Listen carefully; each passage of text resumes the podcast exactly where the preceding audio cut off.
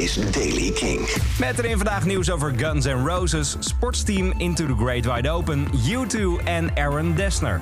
Dit is de Daily King van maandag 3 augustus. Er komt een nieuwe release aan van Guns N' Roses. De greatest hits van de band was al sinds 2004 beschikbaar op CD en nu komt hij er ook voor het eerst op vinyl. De deluxe box van Guns N' Roses komt uit op 25 september. Sportsteam zit niet bij de pakken neer nu ze niet op tour mogen met het debuutalbum Deep Down Happy. Integendeel zelfs. Ze zijn namelijk al de studio ingedoken om album 2 op te nemen. Alex Rice, de zanger van de band, heeft in een interview verteld... hopelijk mogen we en kunnen we het snel uitbrengen. En tijdens datzelfde interview vertelt hij ook dat hij ondertussen de band hoort repeteren... en dat het laatste nummer nogal Weezer-achtig klonk. Ik ben benieuwd. Festival Into the Great Wide Open komt met een alternatief programma voor alle festivalbezoekers die daar normaal zouden zijn. Onder andere Spinvis en S10 doen mee aan dat programma van het festival dat onder andere zal bestaan uit de uitzending, het tijdschrift en de doos. Waarvan het tijdschrift een 500 pagina stellend magazine wordt.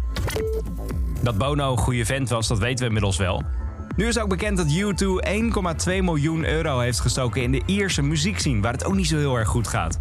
Afgelopen april doneerde de band al 10 miljoen euro aan de COVID-19 hulpverlening. Na het helpen van het album bij Taylor Swift heeft Aaron Dessner van The National gezegd dat er een nieuwe Big Red Machine album onderweg is. Hij heeft heel veel titels op zijn Instagram gezet en daarmee teest hij naar nieuwe muziek. Big Red Machine ontstond in 2008 als een samenwerking tussen Aaron Dessner en Bonnie Ver. Bang om iets te missen? Check dagelijks een nieuwe Daily King podcast. Tot morgen. Elke dag het laatste muzieknieuws en de belangrijkste releases in de Daily King. Check hem op king.nl of vraag om Daily King aan je smart speaker.